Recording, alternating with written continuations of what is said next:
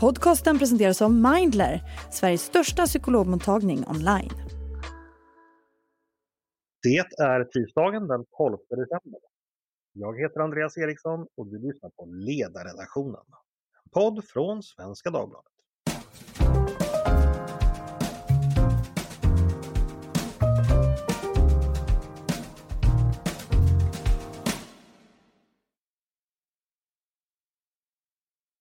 Varmt välkomna tillbaka till oss.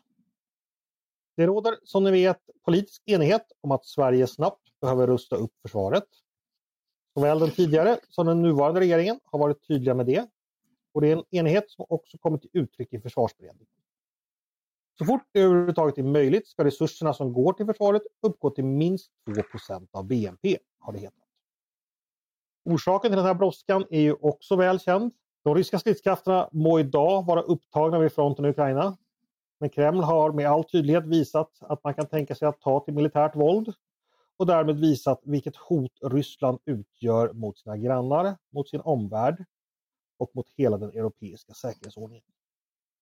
Därför befinner vi oss i en kapplöpning med tiden att så snabbt som möjligt nå den förmåga som krävs för att avskräcka och i värsta fall utkämpa ett. Till det här finns förstås ett flertal politiska frågor. Dels kring försvarspolitiken här hemma, hur Försvarsmakten och det civila försvaret ska tillföras resurser. Men också kring NATO-processen, våra relationer med omvärlden och säkerhetspolitiken i övrigt. Eh, det var ett tag sedan vi pratade om det här i podden så jag tänkte det var hög tid att reda ut vad som sker på området. Det händer ju ganska mycket. Så det ska vi försöka göra idag. Och då hälsar jag mina gäster välkomna. Båda är välbekanta för poddens lyssnare och sidans läsare.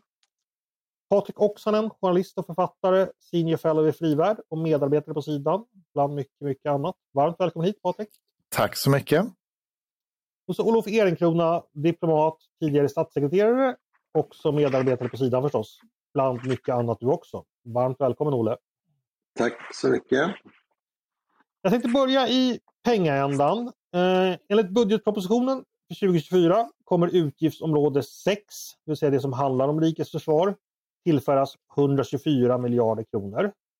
Det är en ökning med hela 50 procent jämfört med 2022.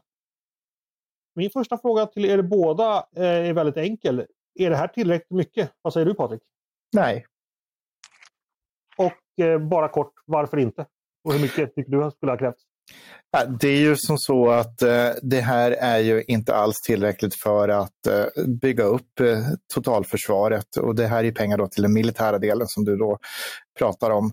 Och orsaken till mitt svar är ju då att, att det är oerhört stora behov. Vi har länge dragit benen efter oss. Vi rustade ner väldigt kraftfullt. Vi rustat upp väldigt långsamt och det här gör ju att vi har eh, brist egentligen på allting när det gäller numerär. Vi har för få plattformar, alltså för få fartyg, för, för lite av luftvärn, vi har för lite av förband eh, och så vidare. Och så vidare. Och ont om ammunition och eh, dessutom för lite personal. Så att eh, det här behövs krafttag och vi måste inse att vi är inne i en krigstid. Det var eh, mörka nyheter på alla sätt. Olle, vad säger du? 124 miljarder till förs det militära försvaret nästa år. Eh, är det tillräckligt? Nej, jag är beredd att ge Patrik rätt i detta. Frågan är eh, hur mycket eh, som försvaret kan absorbera. Det är, eh, det, det är, en av de frågor som man, man måste ställa sig. Eh, nedrustningen har ju pågått faktiskt ända sedan 1996. Så sent som 1994 så hade vi faktiskt över 2 i försvarsutgifter. Eh, men från 96 och framåt så, så har, det ju, har vi ju minskat på dimensionerna hela tiden. Det vi dock har behållit, och det är ju bra det, det är ju ett antal viktiga och centrala vapensystem eh, som vi nu delvis sätter in i Ukraina. Eh, mm. Vi har två behov. Det ena är att bygga ut Försvarsmakten personellt eh, och i volym eh, rejält. Och det andra är ju att eh, omedelbart börja fylla på det som vi avstår till Ukraina. För det, till skillnad från amerikanerna så är det inte gammal utkänt materiel utan det är ju, det är ju vår aktuella försvarsförmåga som tunnas ut när vi skänker vi till Ukraina. Det är en riktig prioritering, men vi måste komplettera i, i den ändan där alltså vår materiel tar slut. Och det är jätteviktigt. Och det är inte någonting där absor absorptionsförmågan skulle vara ett problem, vad jag kan se. Alltså vi kan naturligtvis konsumera ännu fler Archer, vi kan konsumera ännu fler eh, stridsfordon 90. Där är ju den trånga sektorn och produktionskapaciteten. Men det är också någonting som vi måste bygga ut, precis som hela Europa. Mm. Och, och, här är ju bara då, om jag flikar in lite snabbt, så är det en skillnad på absorptionskapacitet då, om man använder den gamla fredstida logiken med samma verktyg som man rustade ner. Eller om man då helt enkelt vänder upp och ner på, på saker och ting för att få saker och ting att hända. Så att jag skulle också säga att det är en fråga om, om vilja och förmåga att göra det som krävs. Ryan Reynolds here from Mint Mobile. With the price of just about everything going up during inflation, we thought we'd bring our prices down. So to help us, we brought in a reverse auctioneer, which is apparently a thing. Mint Mobile unlimited premium wireless. Ready to get 30, 30, bit to get 30, bit to get 20, 20, 20, bit to get 20, 20, bit to get 15, 15, 15, 15 just 15 bucks a month. So, Give it a try at mintmobile.com/switch. slash $45 up front for 3 months plus taxes and fees. Promo rate for new customers for limited time. Unlimited more than 40 gigabytes per month slows. Full terms at mintmobile.com. Precis, för det tänkte jag plocka upp. Det här med att eh, vad Försvarsmakten kan absorbera, det är ju någonting som har dykt upp ganska ofta i debatten. Att, och från politiskt håll så att, ja, kan det låta ungefär, vi kan ju inte slänga mer pengar på dem än vad de kan göra av med. Patrik, eh, det lät lite som du, du, du är skeptisk till det argumentet utan det handlar snarare om att man får i så fall göra saker på annat sätt. Eller, eller förstod jag det rätt då? Ja, men alltså, vi måste komma ihåg att vi har byggt ett system för att rusta ner. Ett byråkratiskt system, regelverk, processer. Vi har levt i en tid när vi har haft ont om pengar men oändligt med tid. Eh, det här skeppet har inte vänt ännu i hur vi gör saker och ting. Vi, vi binder så att säga egen ris bakom rygg eh, genom att eh, helt enkelt krångla till det. Och bara det faktum att saker och ting vi har skickat till Ukraina inte har kommit ersättningsbeställningar på, det är ett, eh, ett så att säga, klassiskt svenskt förvaltningsbyråkratiskt misslyckande. Patrik, du har ju spanat lite närmare på hur resurstillväxten på sikt är tänkt se ut. Du skrev om detta i Kristianstadsbladet för några veckor sedan. Mycket intressant. Eh, det här med att nå 2% av BNP, det verkar dröja när man räknar lite extra. Kan du bara berätta om det? Det första som lyssnarna måste förstå det är att vi har i Sverige ett sätt att räkna på procent av BNP. Och det är det som har varit målsättningen och det som den politiska överenskommelsen om att nå 2% så snabbt som möjligt som kom då 2022 efter Rysslands förnyade angrepp eh, är då. Sen har vi 2% enligt Nato och Nato räknar in fler saker än vad vi gör. De räknar in kustbevakning, NATO-avgift, pensioner, moms. Eh, och här innebär det då att vi har två olika 2% mått. Men i debatten i Sverige så har det handlat om den svenska 2 procentaren. I valrörelsen 2022 så då nuvarande regeringsunderlag sa då att Socialdemokraternas besked om när 2% kunde nås var alldeles för långsamt. Det måste gå mycket fortare, det är ett farligt läge, alltså så lovar vi att det ska nås 2025. I regeringsförklaringen så hade 2025 blivit till 2026 och nu i höstbudgeten så är det lite undangömt men går att läsa i bilagor och sånt att 2% av BNP till det militära försvaret nås 2028. Alltså det som Socialdemokraterna sa 2022. Eh, det som, som då var alldeles för långsamt och alldeles för farligt läge.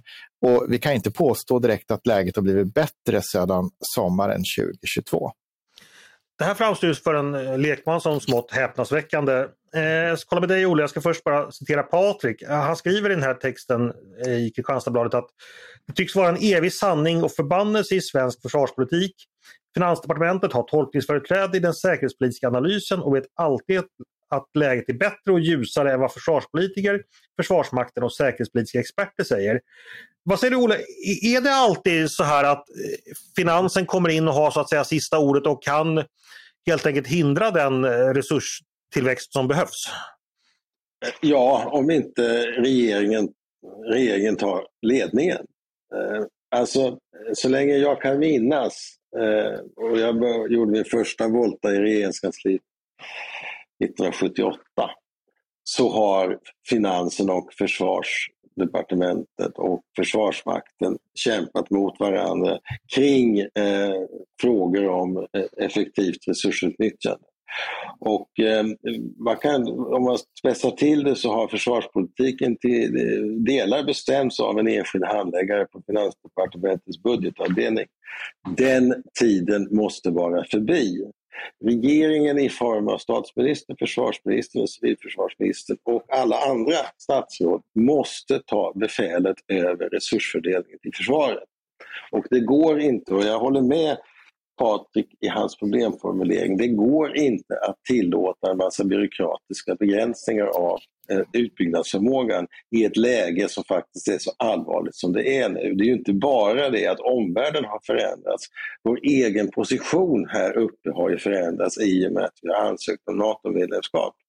Mm. När det nu är eh, fördröjt och försenat och eh, ifrågasatt av eh, två av Natos medlemsländer. Så det är ännu viktigare att sätta fart nu och göra någonting nu för att dels kompensera det som vi skickar till, för det som vi skickar till Ukraina, men också göra den mycket omfattande utbyggnad personellt och materiellt eh, som försvaret måste göra för att klara de utmaningar som finns, inte bara nästa år eller året därpå, utan minst 10 år framåt, förmodligen 20-30 år framåt. Mm. Jag upprepar vad jag sa tidigare, att det framstår som häpnadsväckande att, så att, säga, att det sitter någon kamrer helt enkelt på Finansdepartementet och, och ständigt eh, eh sätter käppar i hjulet här. Patrik, är det så vi ska förstå det? Att det, här, det är en maktkamp mellan, mellan olika delar av regeringskansliet där man från finansens sida hela tiden är konservativ? Ja, det är så man eh, kan förstå det. Och här tycker jag att eh, finansministern kommer alldeles för lindrigt undan. Egentligen så är den enda politikern som, som skulle behöva åka till Sälen och förklara varför läget är bättre idag och varför det inte behövs mer pengar snabbare till försvaret. Det är ju finansministern. Eh, sen tycker jag också att partiledarna, eh, då Jimmy Åkesson, Ebba Busch och eh, Johan Persson och, och självklart också då statsminister Ulf Kristersson eh, också behöver svara på den frågan. Eh, varför är läget bättre idag än 2022? Vad är det ni vet som inte vi vet? Vad är det ni ser som inte vi ser?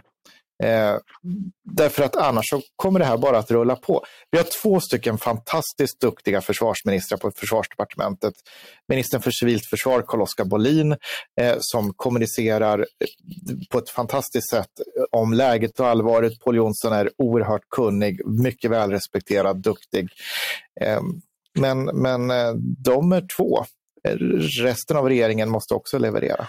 Men kan man inte, om jag ändå ska vara lite djävulsadvokat, kan man inte kräva mer av försvarsministern i det här läget? Att han tydligare ska kommunicera både utåt då till, till opinion och väljare och även inom regeringen och så säga, stå för sitt fackdepartement? Alltså, eh, därför, eh, detta är inte en kommunikationsfråga. Detta är en fråga om att leverera den politik som landet behöver. Som ja. är absolut nödvändig för landets fortsatta överlevnad i en mycket besvärlig värld. Eh, och det är regeringens primäruppgift. Det är, det är precis lika viktigt som att säkra energiförsörjningen. Och det, det är inte så att eh, det, det, det, här är inte en intressekamp inom regeringen utan det här är någonting som regeringen bara måste leverera. Eh, alternativt så måste man på högsta nivå tala om varför man inte levererar. Men det är inte en kommunikationsfråga i, i, i ordets klassiska mening, utan det här är en fråga om att fullgöra sin, sin fundamentala uppgift att försvara landet. Och varför lyckas man inte med det just nu, Olle? Eh, jag vet inte, jag tror att man är fast i gamla hjulspår. Mm. Eh, man har, det är för stor respekt för vad Finansdepartementet tycker och tänker i den här frågan. Alltså det är inte Alltså katastrofen om vi inte satsar tillräckligt mycket på försvaret är oändligt mycket större än om vi missar budgetmålet med 10 miljarder. Mm. Alltså, man måste ha proportioner på det här. Det, det går inte sitta och hacka med ett finans, eh, finansministerium som, som, som, som på ett mycket, mycket eh, konstigt sätt sitter och, och, och, och eh, räknar eh, kronor och ören. När, när det är saker som måste uppnås operativt av Sverige för att kunna hantera en säkerhetspolitisk situation som är mer utmanande än någonsin sedan andra världskriget. Patrik, delar du Olles problembeskrivning här? Var det så att säga nöten sitter någonstans? Ja, det är klart att det är ett, ett politiskt beslut eh, och det är, det är regeringens ansvar. Och det, det, det ansvaret tar man inte just nu. Eh, och Det är obegripligt, i, särskilt i förhållande till vad man säger och har sagt under lång tid. Eh, och jag jag, jag, jag, jag, jag, jag har svårt att formulera vad jag känner inför det här, men jag, man, kan, man kan sammanfatta det med att jag är både förvånad och besviken, särskilt med tanke på den utveckling vi ser. För lägger vi ut då eh, hur korten kan falla om, om allting faller på fel sätt, då kan vi stå i en situation om att inom 12 till 18 månader eh, ha ett ryskt militärt angrepp i, i Östersjöområdet mot de baltiska staterna. Det förutsätter naturligtvis att allting går fel eh, längs vägen nu. Inget stöd till Ukraina i kongressen. Eh, det misslyckas den här veckan. Sen fortsätter misslyckandet hos EU. Eh, Ukraina får det svårare och svårare. Ehm, Trump seglar upp och, och, blir så småningom USAs president och tar USA ut ur NATO. Ryssland genomför en full mobilisering efter presidentkröningen, jag vägrar kalla det för val, i vår. Ehm, och med den krigsekonomi man har byggt upp eh, och levererar och i förhållande till att vi i Europa inte levererar, eh, då finns det ju en, en möjlighet att snabbt, så att säga, chockartat ändra förutsättningarna helt och hållet i Europa genom att eh, eh hantera så att säga, imperiets ambitioner vid Östersjön. 12 till 18 månader kan vi ha ett krig i Östersjöområdet där Ryssland anfaller Baltikum och där Nato så att säga inte längre finns kvar som, som det har funnits i, i många decennier. Olle, det här är ju alarmerande. Kan det gå så här illa som Patrik tror? Eh, ja, det är klart det kan. Men eh, även om så inte vore så är det så här. Va? Man måste tänka, vad kan vi göra själva? Mycket av det som Patrik säger det är inte påverkbart för oss eller det är påverkbart för oss i ringa utsträckning. Men vad kan vi göra själva? Jo, vi disponerar själva över vår försvarsbudget och vi disponerar själva över hur vi allokerar pengar till den. Det är egna beslut som måste fattas och det är egna prioriteringar som måste slås igenom. De råkar sammanfalla med Natos prioriteringar, så det är inte något problem i den delen. Det är ingen som lider av att Sverige satsar mer pengar på sitt försvar. Men det är väldigt många svenskar som kommer att lida av om vi inte gör rätt saker i rätt tid. Och rätt tid är nu. Och det enda begränsningen som jag ser det är eh, att man måste göra en eh, rationell prioritering inom ramen för vad försvaret ska leverera för försvarsförmåga. Det gäller prioriteringar mellan personal och, det gäller, och materiel och det gäller vilken typ av materiel man ska köpa in. Men en sak som är uppenbar det är ju att vi har ett akut behov omedelbart av luftvärn. Vi har ett akut behov omedelbart av att bygga ut drönarförmåga. Det är sådana saker som är lätt att se nu och som går fort att göra om man, om man väl avsätter medel för det. Va? Men den springande punkten är vad kan vi göra själva jämfört med det vi inte kan göra själva? Jag, jag vill flika in och säga att mitt scenario är ett värsta scenario där allting faller fel ut. Det betyder inte att det är det mest sannolika scenariot, men när man ägnar sig åt, åt så att säga, riskkalkylering i den här tiden, då måste vi ta höjd för att faktiskt allting kan gå fel. Eh, och därmed är det skyndsamt. Sen när det gäller behov så vill jag understryka att vi har ett enormt behov på den civila delen av totalförsvaret. Det är ju totalförsvar, det militära och civila sitter ihop som ett eh, och det civila benet det är inte i stånd riktigt att förflytta sig ännu. Eh, och här behövs det till både beslut eh, och resurser. Och där måste det gå mycket fortare för att vi ska få det här att sitta ihop. Mm. Och Jag tänker också på de värden som står på spel. När man gör riskvärdering så får man naturligtvis, även fast sannolikheten är ett värsta läge, så får man ju ta väntevärdet av det som då är enormt negativt för, för, för oss alla. Det gäller ju vårt, vårt liv, vårt land ytterst. Eh, så det är klart det, det måste värderas högt. Får jag säga det också Andreas, att det här handlar ju om investeringar som vi ändå ska göra. Det är ju inte någonting som vi, vi gör som sen försvinner, utan det här måste vi ändå göra. Det är lika bra att göra det nu. Och den så att säga, likviditetspåfrestning som uppstår i statsbudgeten är en försumbar ett försumbart offer i förhållande till det offer vi tvingas göra om vi är oförberedda när det sker ett anfall i Östersjöområdet. Mm. En fråga till, till båda. Eh, Patrik, när vi har pratat de senaste åren i podden så har du ofta återkommit till det här om sense of urgency, att det är någonting som behövs, som måste finnas på, på väldigt många platser i samhället. Jag vet ju att du, du ägnar ditt, ditt jobb och pratar runt med folk och jag antar att du har hela tiden samtal. Den här sense of urgency, har den börjat komma på fler ställen nu? Eller behöver den bli ännu tydligare? Vad, vad, vad är status där? Jag skulle säga att den behöver bli ännu tydligare, ännu bredare, ännu starkare, ännu snabbare. Och det är väl som så att det, det är klart att det har hänt saker i den mentala förflyttningen, vad som är hotbild och läget, särskilt efter Rysslands förnyade angrepp mot Ukraina 2022. Men eh, vi ser ju att det går ju för långsamt. Mm. Det har vi konstaterat flera gånger. Eh, en fråga som jag tror en del är nyfikna på. Det här avtalet som skrevs med USA nu alldeles nyligen, det bilaterala avtalet. Eh, vad innebär det, det, det, egentligen? Är det någon av er som kan ta på er bara att kort för lyssnarna förklara? Eh, är det Olle eller Patrik som kan det bäst, tror ni? Ja, vi kan väl singla slant. Du ja. kan få börja, Olle. Ja, men det innebär ju att vi eh, har en, eh, ett bilateralt avtal med USA som gör att de kan sätta in hjälp om eh, det händer någonting i Östersjöområdet omedelbart. Vi genomför alltså det strategiska djup som behövs för insatser i Finland och i Baltikum om ryssarna skulle gå till anfall. Och det gör vi då utan att vi för den skull är skyddade av artikel 5. Eh, men vi gör ändå det som är eh, en väldigt viktig del av NATO-medlemskapet.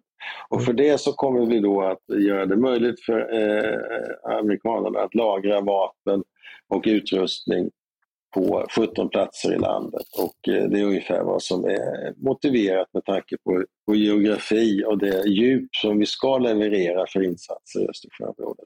Jag vill påpeka det att Sverige har ju solidaritetsklausuler redan innan NATO-medlemskapet med Baltikum och med Finland och med övriga EU. Så att det här är inte någonting som, eh, som är hastigt påkommet utan det här är en, en förstärkning av våra möjligheter att upprätthålla de åtaganden som vi redan har ingått. Patrik, vill du komplettera någonting där? Det man kan understryka är ju att det här är ett sätt att kunna vara flexibel eh, och kunna agera väldigt snabbt och dessutom vara förberedd. Sedan så, så kommer det vara varierat hur mycket det kommer att vara på olika ställen. Man har ju nu så att säga skaffat sig en enorm flexibilitet genom att man har då lagt in 17 eh, ställen i, i avtalet. Så att eh, det, det, det kommer inte att bli lika mycket på alla ställen om man uttrycker sig så. Hey, I'm Ryan Reynolds. At Mint Mobile, we like to do the opposite of what Big Wireless does. They charge you a lot, we charge you a little. So naturally, when they announced they'd be raising their prices due to inflation, we decided to deflate our prices due to not hating you. That's right. We're cutting the price of Mint Unlimited from $30 a month to just $15 a month. Give it a try at mintmobile.com slash switch. $45 upfront for three months plus taxes and fees. Promote for new customers for limited time. Unlimited more than 40 gigabytes per month. Slows. Full terms at mintmobile.com. Patrik var redan, du, du, nämnde det civila försvaret och de stora behoven där. Det är ju någonting som, om vi så att säga bantade det militära försvaret så eh, svältfödde vi ju det civila i många år och det har ju upptäckts att det finns mycket, mycket stora brister och behov på resurser där. Olle, har du någonting att säga om det och Carl-Oskar Bolins eh, område? Vad, vad händer på den fronten? Nej, men det, det händer ju saker som bör hända. Det, vi kan ju konstatera det att det är patetiskt att nedrustningen ackompanjeras med en ännu större nedrustning av det civila försvaret. De som har argumenterat för nedrustning av det förs militära försvaret har ju alltid lyft fram vikten av det civila försvaret. Så det är ju det är bara att konstatera att även där så har vi ju uppträtt på ett osedvanligt och ansvarslöst sätt. Eh, civilförsvaret är jätteviktigt, det ser vi i Ukraina det koncept som vi hade under kalla kriget, nämligen totalt försvar istället för totalt krig, alltså totalt försvar, det är någonting som vi måste återgå till. Och det, det en viktig faktor bakom Ukrainas resiliens och förmåga att stå emot ryssarna, det är ju just att det civila civilsamhället har fungerat så oerhört väl i förhållande till vad man kunde befara. Eh, så att Ukraina har visat två saker. Det ena är att det går åt väldigt mycket ammunition och väldigt mycket materiel om man ska kriga med ryssarna. Och det andra är att civilförsvaret och civilsamhällets förmåga, resiliens och förmåga att återställa sina, eh, sina funktioner är jätteviktigt. Och det är en enormt betydelsefull lärdom som vi har fått i med det här kriget. Mm. Och ska man lägga till lite grann, bara kort pedagogiskt för lyssnarna, så ska man undersöka då att civilt försvar, det är ju det som är, är det som sker i samhället. Det är den samlade eh, samhällsproduktionen eller samhällsgörandet i, i syfte då i totalförsvaret. Eh, och då vill jag bara understryka liksom att det, det angår alla alla är en del av det och här vill jag särskilt lyfta också då näringslivet, för där är ju den stora skillnaden jämfört med under kalla kriget att väldigt mycket av vår samhällsviktiga funktionalitet ligger idag på näringslivet. Så det spelar också en otroligt viktig roll.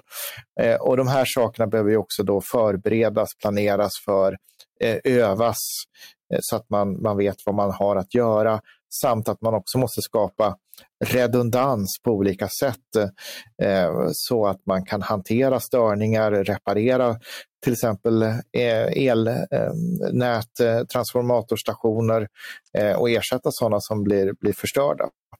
Mm. Så att det, här, det här är krävande, men det är någonting som vi alla tillsammans gör. Tack för det. Eh, vi ska snart sy ihop det här. Det är bara en punkt till jag ville bara kort stämma av med er och det är utvecklingen i USA. Patrik har redan varit inne på att där sker ju avgörande och dramatiska saker nu i närtid. Eh, Olle, vad kan du säga om det? För vi vet ju att det finns en skepsis och, och ett motstånd mot Ukraina-hjälpen och inte bara den utan för amerikanskt engagemang i, i NATO och utomlands överhuvudtaget. Eh, vad, vad händer i, i Washington just nu? Ja, vi vet ju inte, men, men låt mig, jag tycker det finns, alltså ibland säger man att det här är som München 38 eller som 38. Eh, jag vill säga att det här är mycket värre. Det är mycket, mycket värre. För att det, de som då förespråkade uppgörelsen med Hitler, de gjorde ju det därför att de trodde att det skulle fungera och därför att de, eh, de var, de, ja, de, de ville verkligen fred. Eh, de som vi nu har som attackerar Ukraina-biståndet, de gör det av ren illvilja. De gör det därför att de vill stödja Putin och de vill undergräva den amerikanska ställningen i världen. Eh, när man tittar på de aktiva republikanerna som argumenterar mot Ukraina-biståndet så handlar det ju bara om, om, eh, om eh, politisk illvilja och eh, Eh, mycket snäva partiegoistiska intressen. Tittar vi på den europeiska scenen så är ju situationen lika illa där. Det är inte så att Orban litar på Putin. Utan Orban intar den position han gör därför att han håller med Putin om Putins politik. Och eh, Patrik publicerade idag, en, eller igår kanske det var, en, en, ett uttalande av, av, av Orban där han sa att han aldrig skulle Eh, starta, eller aldrig skulle föra krig mot Ryssland. Det innebär alltså att Orbán säger att han inte ens om, inte ens om eh, eh, ryssarna angriper ett NATO-land så kommer Ungern att fullgöra sina alliansenliga förpliktelser. Det är ett mycket långtgående uttalande. Det låter ju närmast som vi har femtekolonnare såväl i, i USA och Europa som aktivt alltså undergräver vår position gentemot eh, Putin. Patrik, är, är det så illa? Ja. Kort och gott. Ja, vill du utveckla?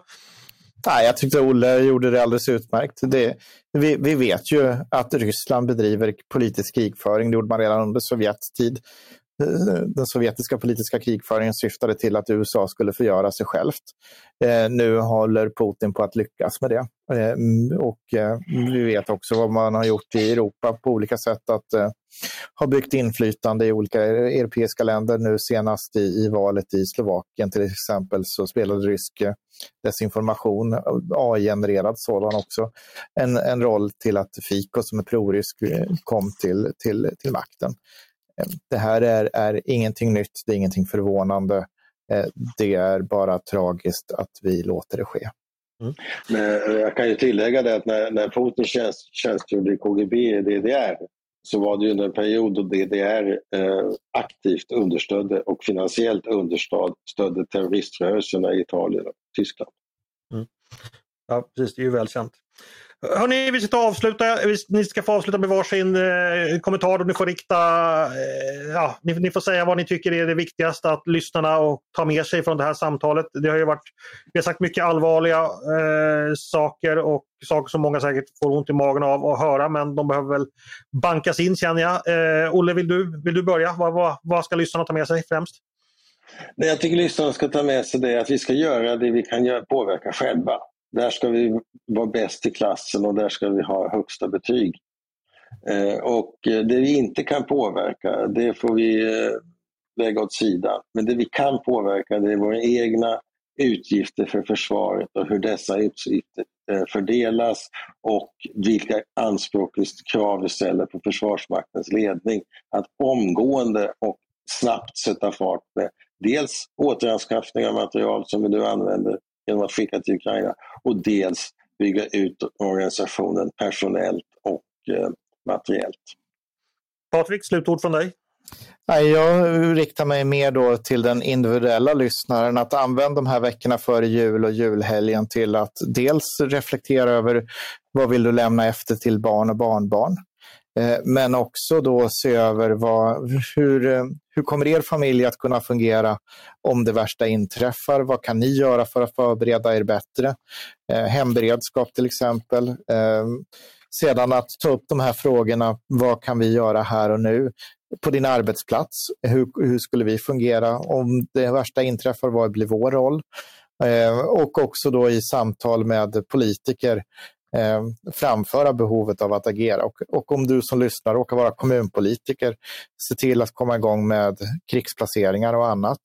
Eh, och ska ni börja någonstans, börja med barnomsorg och skola för att de bitarna måste fungera för att andra ska kunna gå in i sina eh, då, eh, krigsbefattningar eller totalförsvarsplikt på ett, på ett tryggt sätt. Så att ni har en jättestor uppgift, alla ni som lyssnar, ni är alla en del av totalförsvaret. Och kom ihåg, motståndet upphör aldrig. Stort tack för det eh, och stort tack till Patrik Oksanen och Olof Ehrenkrona för att ni gästade mig idag. Tack också ni som har lyssnat eh, på dagens avsnitt av Ledarredaktionen. En podd från Svenska Dagbladet. Ni är varmt välkomna att höra av er till oss på redaktionen med tankar och synpunkter på det vi precis pratade om. Eller om det är så att ni har idéer och förslag på det vi ska ta upp i framtiden. Då är det bara att mejla till ledarsidan snabla svd.se. Dagens producent, han heter Jesper Sandström. Själv heter jag Andreas Eriksson och jag hoppas att vi hörs snart igen.